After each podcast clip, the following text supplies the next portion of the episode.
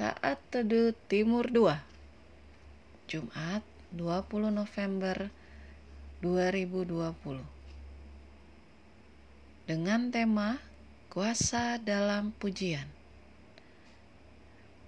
Pembacaan Alkitab terambil dari 2 Tawarik 20 ayat 21 sampai 22 Setelah ia berunding dengan rakyat, ia mengangkat orang-orang yang akan menyanyi nyanyian untuk Tuhan memuji Tuhan dalam pakaian kudus yang semarak pada waktu mereka keluar di muka orang-orang bersenjata sambil berkata, Nyanyikanlah nyanyian syukur bagi Tuhan, bahwasannya untuk selama-lamanya kasih setianya.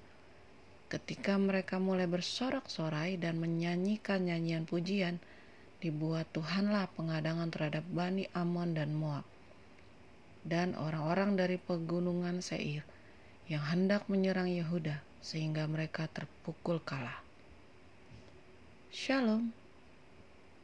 Saudara-saudari yang terkasih pasti pernah mendengar lirik lagu di bawah ini.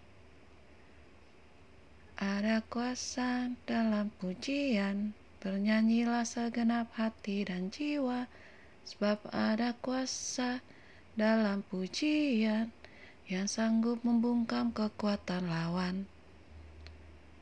Dari ayat di atas, kita dapat melihat bahwa ketika umat Tuhan mulai bersorak-sorai dan menyanyikan pujian, maka Tuhan pun mengadang musuh-musuh mereka dan dikalahkan. Karena ketaatan umatnya untuk memuji, Allah bertahta dan kuasanya ajaib mengalahkan musuh. Demikian juga dengan pujian dan penyembahan yang kita bawakan setiap hari kepada Tuhan. Ada kuasa yang terjadi dengan menaikkan pujian dan penyembahan membawa fokus kita kembali kepada Tuhan. Mata kita tertuju kepadanya yang adalah sumber pengharapan sejati. Kegelapan, ketakutan, kekhawatiran tidak akan bertahan karena didorong keluar oleh kuasa Allah.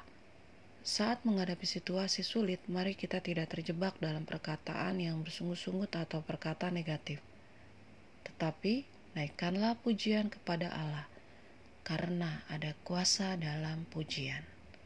Selamat menikmati hari baru, Tuhan Yesus memberkati.